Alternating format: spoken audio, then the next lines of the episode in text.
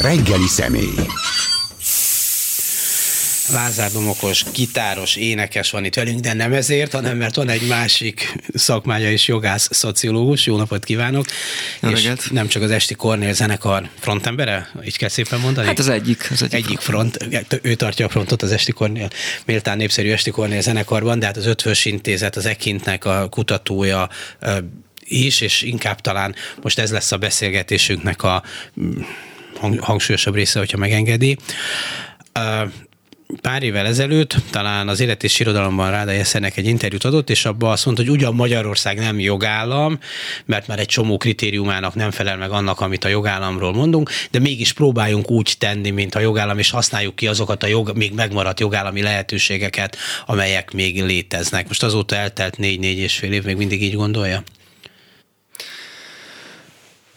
Hát talán az álláspontom némileg abban módosult, hogy vannak bizonyos intézmények szerintem, amelyeket mind, mind a mai napig azt gondolom, hogy, hogy használni érdemes. Tehát például azért a magyar bíróságok relatíve még függetlennek mondhatók. Persze a, a bírósági, mondjuk a vezetői szinten azért nagyon erős a, a hatalmi behatás, és abszolút lehet érezni, hogy, hogy, hogy egy nagyon erős tendencia van arra, hogy a bíróságokat is bedarálja az autokrata hatalom. De például abban már vannak kétségeim, és az elmúlt éveket tekintve egyre inkább azt gondolom, hogy, hogy a parlamentbe bemenni, és ott fizetést felvenni ellenzéki politikusként, az, az nem biztos, hogy, hogy célszerű, és nem biztos, hogy a helyes módja a NER-ben való ellenzéki működésnek. Erről majd beszéltünk egy kicsit bővebben.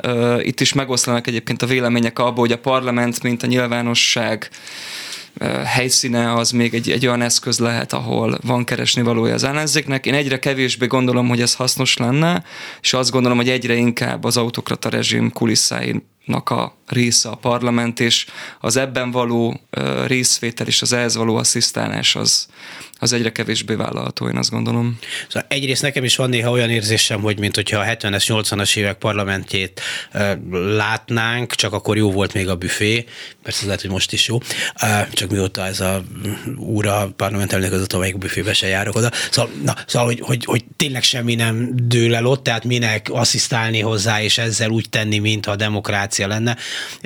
A másik oldalon pedig mégis azt mondják azok az ellenzéki politikusok, vagy egy jó részük, mert például a Hatházi Ákos nem, akik bejutottak, hogy mégis egy fórum, ahol elmondhatjuk, mégis valami közönséget tudunk találni a mi gondolatainknak, miközben nagyon nehéz hozzá eljutni. Néha mégis lehet interpelálni és kérdéseket feltenni, néha mégis ad valami lehetőséget arra, hogy valamit csináljon, és szerintem szóval nem kell farizeusnak lenni, az is, hogy emberek fizetést kapnak azért, meg, meg stábok hozzá, bár egyre kevesebbet, hogy ellenzéki politizálást hivatásszerűen csináljanak, szerintem az is egy fontos dolog tud lenni. Tehát én megértem, hogyha valaki uh-huh. így érvel. Én is megértem, szerintem ezek is abszolút uh, validálható érvek. Uh, én mégis azt gondolom, és ez tényleg egy személyes vélemény, mert nem nagyon van előképünk ugye az ilyen típusú rezsimekről. Tehát, hogy azt kell látni, hogy az autokráciák, vagy ezek a spin, spin diktatúrák, sokfajta elnevezést lehet ugye olvasni a szakirodalomban. Ez egy viszonylag kevéssé kikövezett, vagy egy viszonylag előzmények nélküli dolog. Tehát ugye mivel nem kőkemény diktatúrákról beszélünk, ezért nagyon sok ilyen, ilyen soft viszonyrendszer van benne, nagyon sok az informális tényező, és azt gondolom, hogy hogy abban az értelemben nagyon kreatívnak kell lenni annak, aki, aki ellenzéki szerepbe találja magát, hogy egy csomófajta működésmódot, egy csomófajta reakciót tulajdonképpen most kell kitalálni.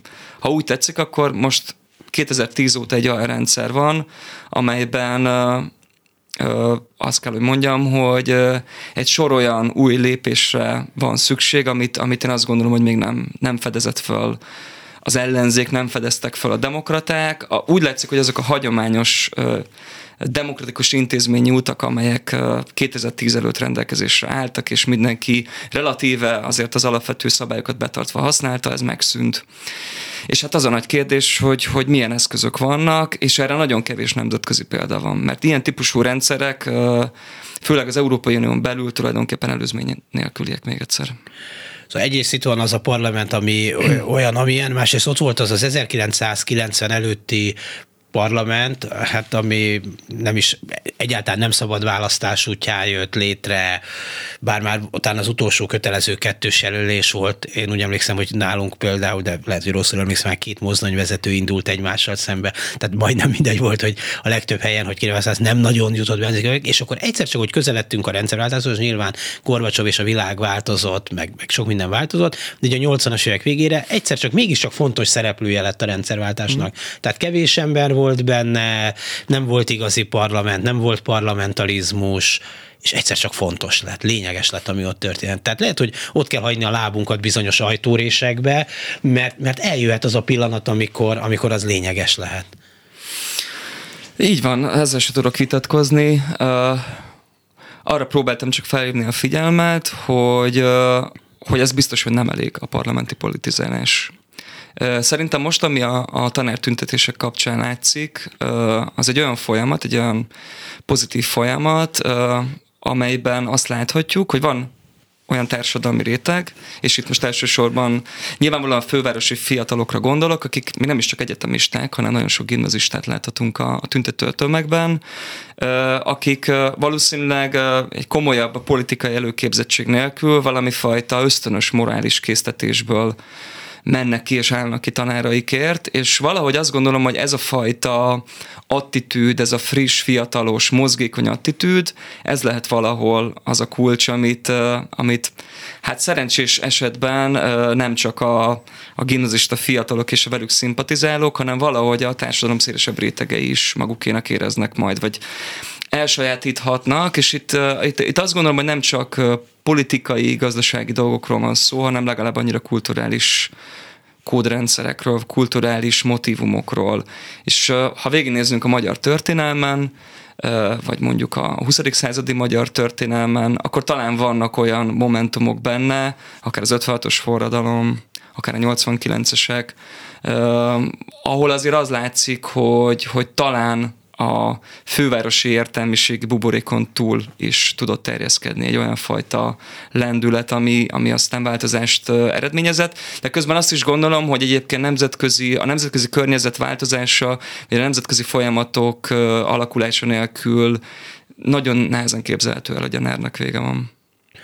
De hát a nemzetközi folyamatok most azt mondják, jó, nem adunk annyi pénzt Magyarországnak, vagy Szerintem ez nagy, egy nagyon jelentős dolog. Ez Igen. Szerintem, szerintem ennek És nagyon nagy jelentősége van. A, a mondás az, hogy nyilván vannak jogállami kritériumok is, de hát majd lesz itt, hogy hívják ezt a korrupció ellenes hatóság, integrációs, mit tudom én, micsoda, Hatóság. és akkor biztos nem lesz több korrupció, vagy akkor ezzel betömjük az Európai Unió száját, és akkor hát ugye ez a hogy nem is tudom mi ennek a dolognak a, a képe a dolognak, hogy hát az Európai Unió illetékes, és persze nyilván sejtik, hogy ez egy git lett, egyébként lehet, hogy nem az lesz, tehát most csak jó, de hogy azért... Nagy esély van rá. Mm, jó, akkor köszönjük. Tehát, hogy, hogy ez nem feltétlenül oldja meg a magyar korrupciós helyzetet, de akkor most már mi úgy tudunk tenni, mint a meg lenne oldva, tehát odathatjuk azt a pénzt, mert egyszerűbb az így.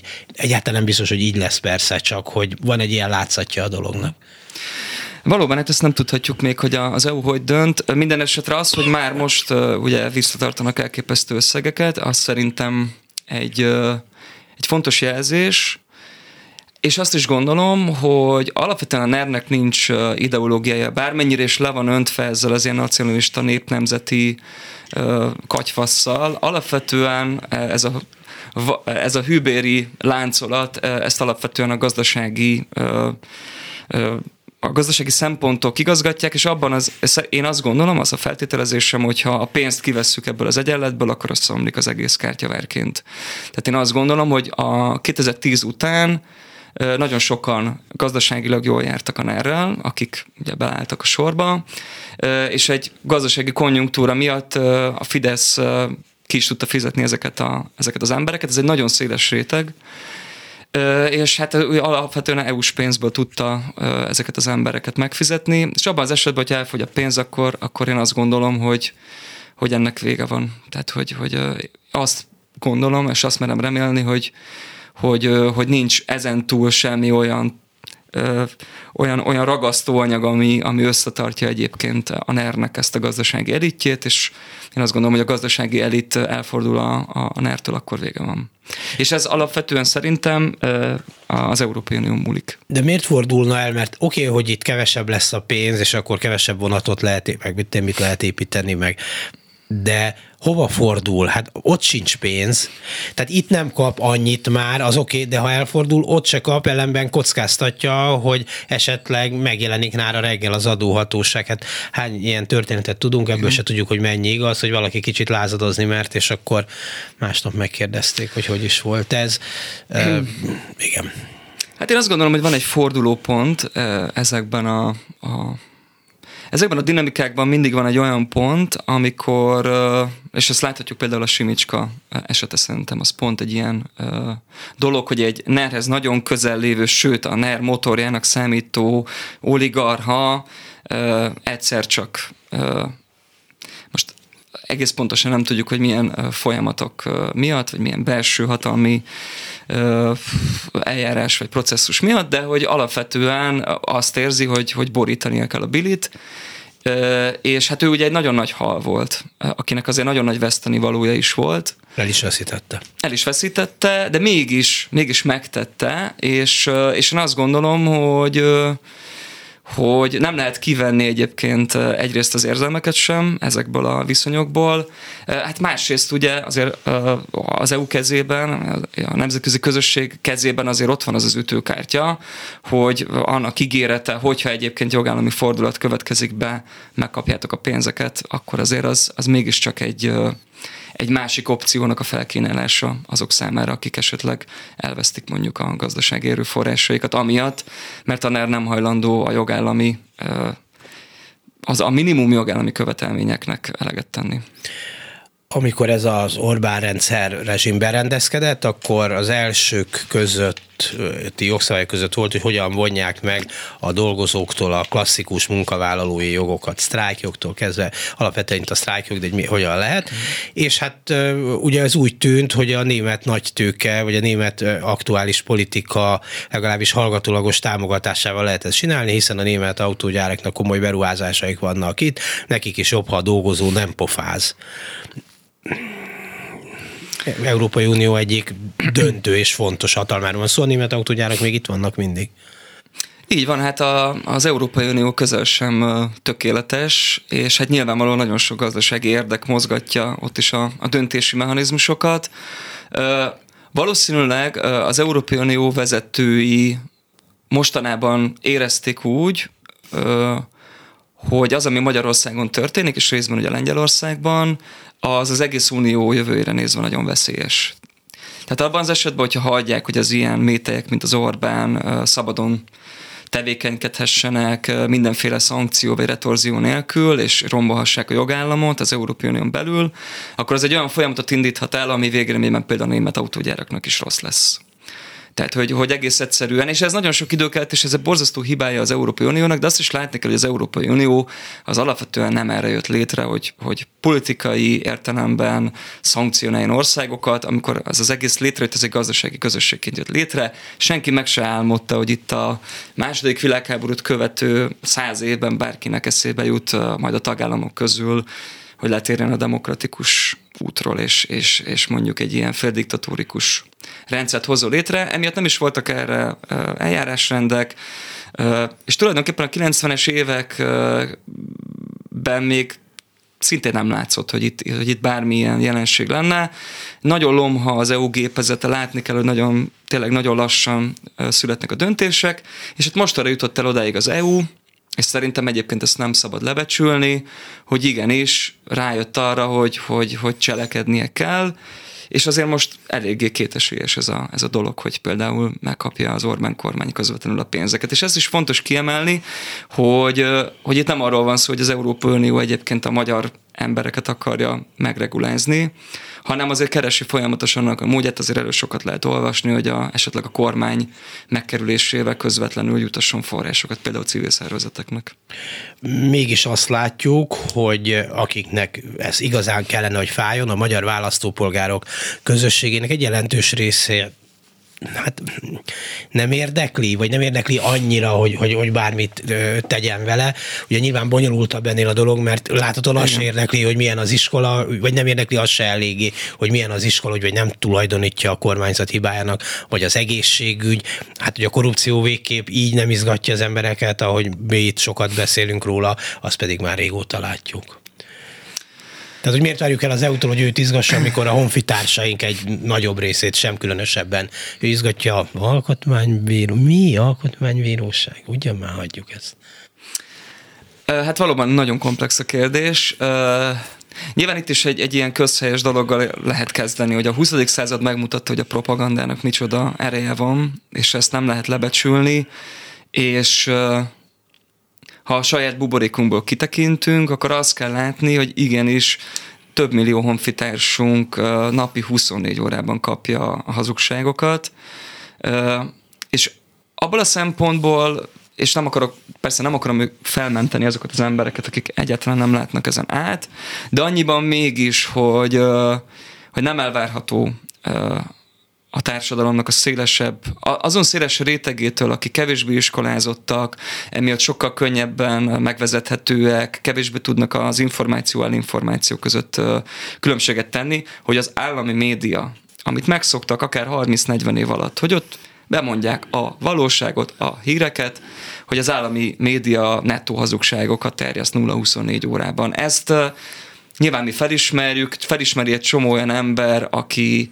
idegen nyelveket tud, aki az internetről tájékozódik, többfajta forrásból. De, de, de tudom, hogy ezt szoktam mondani, bocs, hogy közövágok. De csomó embernek egyszerűen Én nem látom, hogy ez, ez a végeredmény, de oké, okay, de azt látja, hogy elkerül a ő vagy valami rokona a kórházba, és akkor mondják neki, hogy hát jó, sürgősségi részleg, de tessék 6-8 órát várni. Na, itt szülni nem lehet, mert mm-hmm. az mhm. most pont bezártuk. Nem rakják össze az emberek ezt. De, de miért nem az iskola milyen, hogy mennyibe kerül a, mit tudom én, micsoda, mm. minden, bármit mondhatnék nagyjából a csirkefarháton kívül. Hát akkor a valóság se ennyire keveset számít? Hát én azt gondolom, hogy igen, ez egy, ez egy Orwelli világ, amelyben a propaganda nagyon-nagyon-nagyon-nagyon sokáig el tudja hitetni azt az emberekkel, hogy egy az, hogy minden jó, de ha nem jó minden, akkor biztos, hogy nem mi vagyunk a hibásak, hanem, és akkor itt egy nagyon hosszú felsorolás. Brüsszel soros, az Brüsszel át, nem soros, a nem átoperáló óvodásokat, nem Igen, ki. az LMBTQ lobby. Hát a mai, sok mindent mai, mai kormányzati izét, címlapján megint valami ilyen van, hogy leszbikusok újra támadnak. Így van, és, és hát egyszerűen a propaganda folyamatosan megtalálja a, a hibást, a bűnöst. Ebben az értelemben tényleg nem tudok azokkal vitatkozni, akik azt mondják, hogy ez egy göbbelszi propaganda. Tulajdonképpen a lényegi elemeit tekintve abszolút a 30-as években vagyunk. Tehát, igen, de közben meg mégsem, mert az egy sokkal zártabb világ volt, politikailag is, meg technológiailag is. Most azért hát nem kell olyan nagy erőfeszítéseket tenni, bár szerintem a valóságnál jobb, én azt gondoltam volna, bár látom, hogy a világ nem engem, a valóság nem engem igazol, nem számít, de tényleg két, két kattintás azért egészen iskolázatlan és szegény környezetben is tessék elmenni, megnézni, azért van internet hozzáférés az embereknek, tehát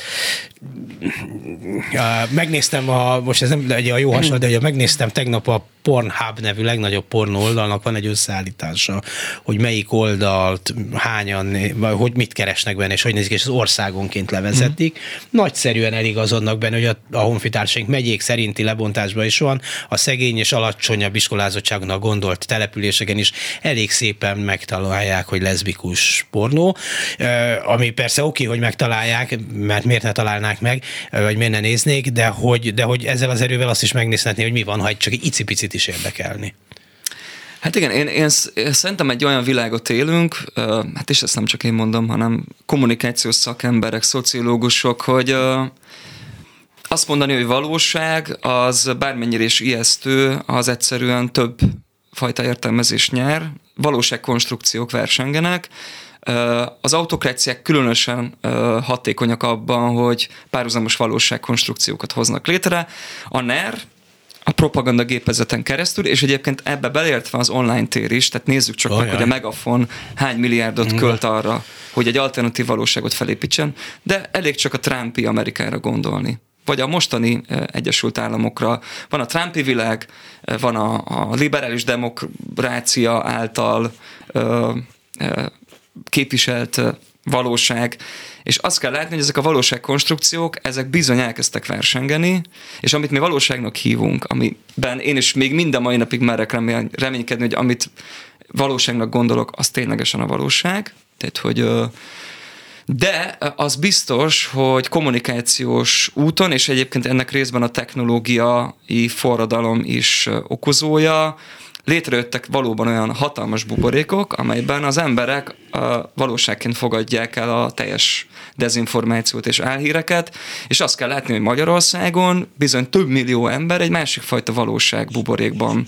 éli a mindennapét, és hiába van ott a telefon a kezében, amit ön is mondta, hogy két kattintás, olyan hirdetéseket kapnak, olyan targeteket kapnak ezektől az álhír oldalaktól, hogy tulajdonképpen, ha kinyitják a Facebookot, nem a Telex, a 444, a Klubrádió, a HVG jön velük szembe, hanem azok a tartalmak, azok a kontentek, amelyek a propaganda gépezet és az állami médiában hirdetett valótlansággal teljesen párhuzamosan, azt kiegészítve ezt a buborékot tovább erősítik, és hát az egész egy ilyen kommunikációs acélkupolát húz több millió honfitársunk feje fölé, én nem mondom, hogy fölmentem ezeket az embereket, de abba biztos vagyok, hogy, hogy itt alapvetően a, a probléma magját kéne megszüntetni, és egész egyszerűen el kéne valahogy takarítani ezt a, ezt a rezsimet, mert Igen. szerintem ez addig nem fog változni. Az embereket a nyomtas te is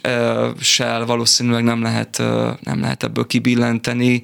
Itt egy olyan intenzitású 0-24 órában rájuk zulduló propagandáról van szó, amit csak akkor lehet megszüntetni, hogy ezt a propagandát megszüntetjük. Viszont lehet, hogy a propagandát csak akkor lehet megszüntetni, hogyha megszűnik ez a rendszer, de ez a rendszer csak akkor szűnik meg a Hát igen, ez egy, ez egy saját farkába harapó kutya, ami, ami nem tud egyelőre úgy tűnik, hogy nem tud kibillenni, de én azt gondolom, hogy, hogy, a, hogy a gazdasági összeomlás, ami, ami azért úgy tűnik, hogy nincs túl messze, az, az, az azért nagyon sok minden megváltoztathat.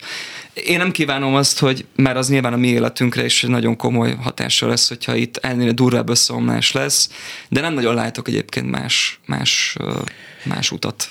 Ez. Szóval a történelmi példák azt mutatják azért, hogy erőszakkal nem lehet népet boldogítani. Szóval ez már a második Józsefnél kiderült. Tehát, hogyha a honfitársaink egy nagyobb része ezt akarja, akkor tessék a tiéd. Kétségkívül mi nem vagyok benne, benne biztos, hogy ezt akarják. Én nem vagyok hát benne most, biztos... úgy, most ebben boldogak, mert választhatott volna, mert most minden választási csalással, csaló választás. De hát iszonyatos, tehát olyan hazugság, propag, tehát hogy mi volt ugye a kommunikáció az utolsó egy hónapban, ha nem mi jövünk, hanem ők jönnek, akkor háborúba lépünk, akkor minden, mindenedet elveszted, tehát, hogy ez, tehát, hogy ez a fajta hazugság, ez, ez sajnos bement. Bement nagyon sok embernek a fejébe, és, és ez, én azt gondolom, és tényleg őszintén azt gondolom, hogy ez alapvetően nem az embereknek a hibája. Az oktatás lezüllesztése, az embereknek a nyomorban tartása, tudatos nyomorban tartása, az ezt eredményezi ez ezt eredményezi, az emberek nem fogják észrevenni, hogyha, hogyha a képükbe hazudnak, vagy hogyha a képükbe hazudnak, akkor is azt érzik, hogy a saját mikrokörnyezetükben ott vidéken egyszerűen nincs más ö, választás, ahhoz a fideszes oligarchához vannak bekötve gazdaságilag, egzisztenciálisan. Ö, egy vidéki kisvárosban nagyon sokszor nincs más opciója az embereknek, mint hogy beállni a sorba és, és kussolni. Én ezt értem, de mitől fog megváltozni? Tehát mi itt ketten megbeszélhetjük a klubrádióban, hogy lehetne ennél sokkal jobb is hatékonyabb az ország, jobban szervezett, a jogállamiság, és biztos, hogy hat a gazdaságra, a kiszámíthatóság, egy csomó minden. Tehát ebben megegyezhetünk, kimegyünk, és akkor már itt a Bencur utcában, amit mond az első szembejövő. Hát igen. Szóval, hogy, hogy, hogy mit kezdhetünk ezzel a mi valóság, vagy ezzel a, ezzel a valósággal, vagy ezzel az igazsággal. Erre mondom azt, hogy ha ő ebbe érzi jól magát, vagy nem érzi jól magát, de nem tudja, hogy mit veszít, hát nem is tudom, mi, mi, mi, mi a akkor ez, ez, ez marad. Ez egy nagyon nehéz kérdés. Nyilván, hogyha tudnám erre a tuti választ, akkor valószínűleg már akkor valószínűleg már valami nagyon magas pozícióban lennék.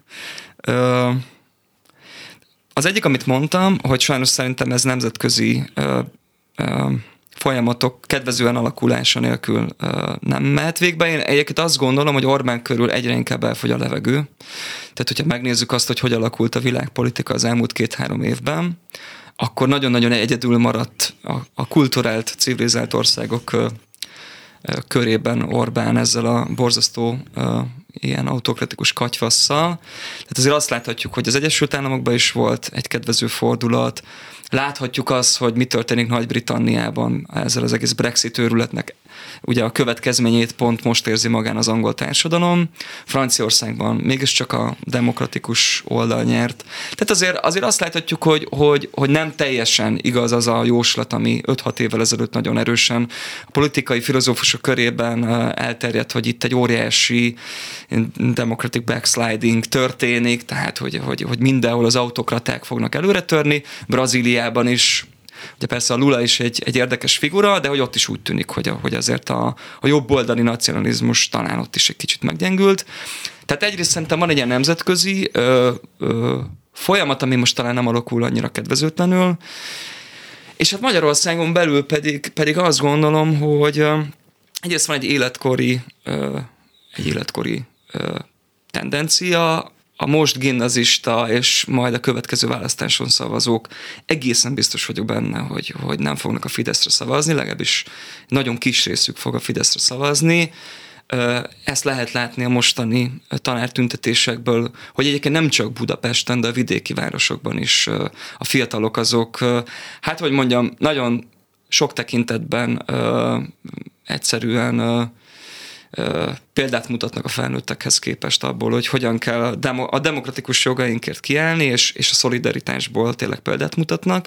Szerintem ez egy fontos tendencia, és akárhogy is nézzük, öregszik a, a Fidesznek a szavazóbázisa. Meg lehet nézni a közvéleménykutatásokat, hogy a különböző korcsoportokban hogy áll a Fidesz. Ez nyilván ez egy, ez egy hosszabb dolog, tehát ez nem fogja megoldani két-három-négy éven belül a, a, ezt a kérdést. De közben a gazdasági nehézségek nek, ha lehet hinni a, a közgazdászoknak, a mértékadó közgazdászoknak, igazán a, ezek a gazdasági következmények ezek 2023-ban fognak csúcsosodni, és azt nem lehet tudni, hogyha teljesen üres a hűtőszekrény, akkor ugye van az a mondás, Még. hogy a tévé és a hűtőszekrény csatájába végül a hűtőszekrény nyer. És hát én azt gondolom, hogy ebbe, ebbe lehet egy kicsit bízni, hogy, hogy, hogy talán az embereknek van egy olyan mélyen lévő, nagyon egészséges immunrendszerre, vagy egy ilyen immunválasz, ami, ami ilyenkor előre törje nagyon szélsőséges helyzetekben. Hát nagyon másban nem lehet szerintem bízni. Mi itt elmondhatjuk az okosságainkat. Szerintem fontos is egyébként, hogy, hogy amíg lehet az ember beszéljen, és elmondja akár a saját buborékának is ezt időről időre, de tény az, hogy, hogy itt szerintem olyan dolgoknak kell történni, ami, ami mindenkinek fájni fog. Lázár Domokos a vendégünk, egyrészt az Esti Kornél egyik frontembere, de másrészt jogász, szociológus, az Ötvös Intézet kutatója. Beszéltünk arról, hogy a, úgy elhiszük, hogy jogállam vagy, vagy nem. Mondok egy mai példát. Jó néhány önkormányzat kapott állami kiegészítés támogatást azért, mert az energiaköltségek mm. rettentően megnőttek. Budapest nem kapott, plusz Budapesten ugyan kapott tizenvalány kerület, de az az öt vagy hat kerület nem kapott, ahol most ellenzéki vezetés mm. van. De ebben van szegényebb kerület is, gazdagabb kerület is, tehát úgy első ránézésre nehéz ennek a szakmai okát látni azon kívül, hogy ellenzékiek. Most ez nyilván nem jogállami megoldás, és mit lehet kezdeni vele? Mit mond erre egy jogász szociológus? Hát nézze, a, a, az autonómiák felszámolása az, az egy régóta tartó tendencia. Uh, nyilván a 19-es önkormányzati választások azért ha nem is ne, nevezhetők teljesen ellenzéki sikernek, azért a Fidesznek fájt nagyon. És nyilván folyamatosan megy az ellenzéki önkormányzatok megregulázása. Ennek részben ugye az a célja, hogy a, az a választó, választói bázis, aki az ellenzékre szavazott, az megérezze, hogy na ez van, hogyha nem ránk szavaztok. Másrészt ugye valóban az önkormányzatiság felszámolása az minden ilyen típusú rendszernek egy, egy, egy sarokpontja, mert hogy egyébként ezek az önkormányzatok, ezek veszélyt jelentenek, veszélyt jelenthetnek az autokrata hatalmára. Egyébként Törökországban megnézhetjük, ugye pont most, most csukták le igen, a, ugye az isztambuli polgármestert, de láthatjuk, hogy Lengyelországban is, ahol viszonylag erős egyébként az önkormányzatiság, hogy ott is egy viszonylag fontos ellensúlya egyébként a központi, egyre inkább autokratikus hatalomnak a, a, a helyi önkormányzatok. És hát Magyarországon is nyilvánvalóan az autokrata próbálja a még maradék autonómiákat is felszámolni. Ennek egyik eszköze, nagyon régóta bevett eszköze a, az önkormányzati erőforrásoknak a, a, a, a kiszipolyozása. Én ebben ennyit látok őszintén szólva, mit lehet tenni, nem sok mindent. Tehát Azért, hogy vigasztalja magunkat, a Fidesz 2002-es bukásának egyik okának szokás azt mondani, hogy a nagyvárosok, hogy a budapestiek megelégelték azt, hogy akkor is próbáltak mm. kevés pénzt mm. adni Budapestnek, metróépítés, nem tudom már mik voltak akkor pontosan, és akkor azt mondják, hogy jó, akkor kérünk egy másik kormányzatot, aki talán nem lesz mm. ennyire igazságtalan. Tehát lehet, hogy van egy pont, ahol mm. ezek, ezek önmagukba visszaütnek. Így van, ez, ez az, amit mondtam, hogy, hogy minden ilyen rezsim esetében szerintem van egy fordulópont, és és ezt nem tudhatjuk előre, hogy ez micsoda. Majtényi László kollégám szokta mondani, hogy, hogy egyik nap még autokráciában ébredünk, és, és lehet, hogy másnap valami olyan dolog történik, ami, ami egy egészen kicsike kis szikra, nem gondoltunk rá uh, tegnap, amikor lefeküdtünk, és, és, és valahogy belobban, és, és egy olyan dominó folyamatot indít el, aminek az a vége, hogy, hogy, hogy vége van egy ilyen rezsimnek. Annál is inkább, mert én tényleg azt gondolom, hogy nincs igazából ideológiája ennek a rendszernek. Nevezhetjük ezt maffia államnak, uh, de mindenképpen olyan rezsimnek, amelyet én alapvetően azt gondolom, hogy a pénz és az erőforrások tartottak eddig egybe, ami az elmúlt 12 évben megvolt. Tehát az összes elemző azt mondja, hogy, hogy ugye ez világszinten egy olyan konjunktúra volt, ez az elmúlt 12 év, elmúlt 10 év, amiben példátlanul sok pénz ömlött egyébként Magyarországra is, és hát amikor van pénz, akkor, akkor azért nagyon, nagyon sokáig föl lehet tartani ezeket a függőségi viszonyokat. Tehát én nem gondolom azt, hogy itt lenne egy olyan ideológia a, a NER mögött, ami tűzön vízen át ö, ö, azt eredményezi, hogy kitart a hátország a NER mellett. Tehát ez, ez nem a náci Németország. Itt, itt nincsenek igazából fanatizált ö, ö, emberek, vagy fanatizált szolgai nép. Ö, itt szerintem addig van hűség, ameddig azt érzik az emberek, hogy na hát ez még mindig jobb, mint ami volt tudom 2007-8-ban. Igen, de ugye 2010 előtt, mondjuk 2008 körül, mikor úgy megrecsent nagyon látványosan a, akkor már második ciklusát tartó kormány, ugye egy csomó helyen láttuk azt, hogy hogyan állnak át emberek mm. közintézményekben, ugye a rendőrségnél, ügyészségnél tényleg a szakmájuk és a hivatásuk mm. árulójaként átépnek, mind jó állást is kaptak, mert volt hova átélni, átállni, mert volt ott egy, hát ilyen szempontból lehet, hogy erkölcstelen, de racionális döntés, hogy ha én Igen. pozíciót akarok a következő Igen. hatalomban, akkor, akkor ott azt nagy valószínűséggel meg fogom kapni. Tehát mm. megéri ma esetleg egy olyan, olyan nyomozás lefolytatásában részt venni, ami finoman szólva nem állná ki a törvényesség minden próbája, munkáját, de ezért engem nem felelősségre fognak vonni, hanem esetleg alkotmánybíróvá neveznek vagy mit hmm. tudom én, mivé most kevéssé érződik az, hogy jó, hát akkor most ez van, de érdemes átigazodni valahova, tényleg, mert hiszen nincs mm. ideológiánk, mindegy, hogy hol vagyunk, zsoldosok Igen. vagyunk, mert, mert hát hol van ez a mhm. másik? Ebben, ebben teljesen egyetértek, hogy, hogy, hogy politikai alternatíva hiány nagyon nehéz, és az is egy rémisztő dolog, hogy a szélső jobb oldal mennyire erős, ezt, ezt lehet látni a, a különböző kutatásokból, hogy, hogy a Persze a Fidesz szatellitpártjaként működő mi hazánkról beszélünk, de azért egy nagyon komoly erősödés van a szélső oldalon. Ugye nagyon nehéz a Fidesz és a tőle még jobbra lévő pártok között ugye különbséget tenni, mert retorikájában, az ideológiai maszlakban nagyon hasonló a, a, a kettő.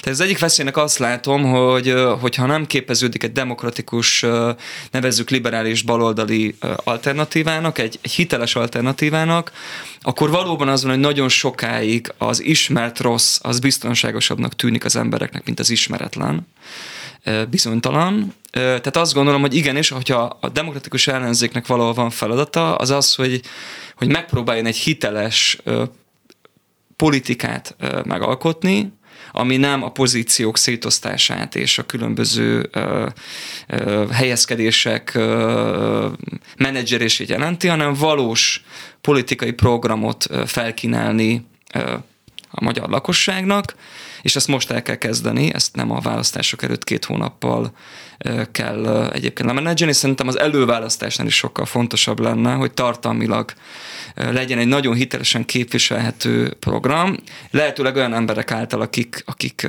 frissek és nem szerepeltek még le a, a politika porondján, kevéssé támadhatóak, mint, mint a mostani ellenzéki szereplők, és valóban azt felmutatni, hogy abban az esetben, hogyha egy ilyen változás áll elő, akkor nem a légüres térbe esik bele a magyar lakosság, hanem van egy valós politikai alternatíva, amelynek egyébként nagyon jó és hiteles viszonya van a nemzetközi szervekkel, az Európai Unióval. Én azt gondolom, hogy akadnak ilyen politikai szereplők, egy részük most az Európai Parlamentben van,